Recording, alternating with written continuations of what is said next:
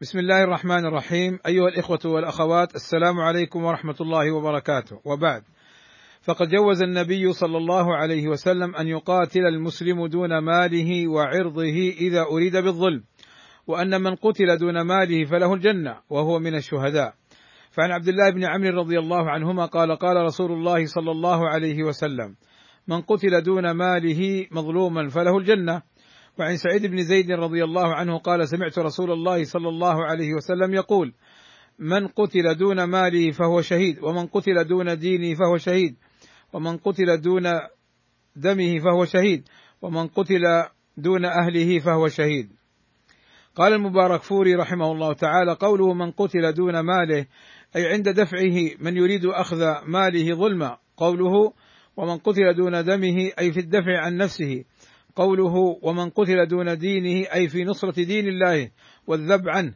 قوله ومن قتل دون أهله أي في الدفع عن بضع حليلته أو قريبته. قوله فهو شهيد لأن المؤمن محترم ذاتا ودما وأهلا ومالا فإذا أريد منه شيء من ذلك جاز له الدفع عنه.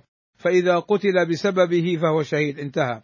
فدل هذا الحديث على جواز القتال دون المال. قال النووي رحمه الله تعالى فيه جواز قتل القاصد لأخذ المال بغير حق سواء كان المال قليلا أو كثيرا لعموم الحديث. وهذا قول الجماهير من العلماء. فإن قيل هذا يدل على جواز القتال دون المال ولو كان الظالم السلطان. فالجواب أن أهل العلم استثنوا من هذا الحديث السلطان بالإجماع. قال ابن المنذر رحمه الله تعالى الذي عليه أهل العلم أن للرجل أن يدفع عما ذكر إذا أريد ظلما بغير تفصيل.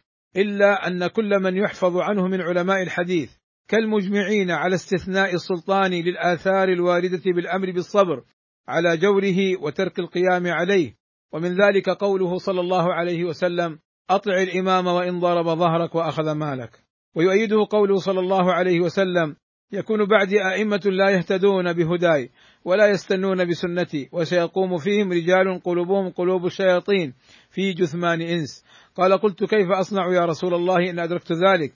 قال تسمع وتطيع للأمير وإن ضرب ظهرك وأخذ مالك فاسمع وأطع. فأمرنا النبي صلى الله عليه وسلم بالصبر والسمع والطاعة لولي الأمر وإن أخذ المال وضرب الظهر. والسلام عليكم ورحمة الله وبركاته.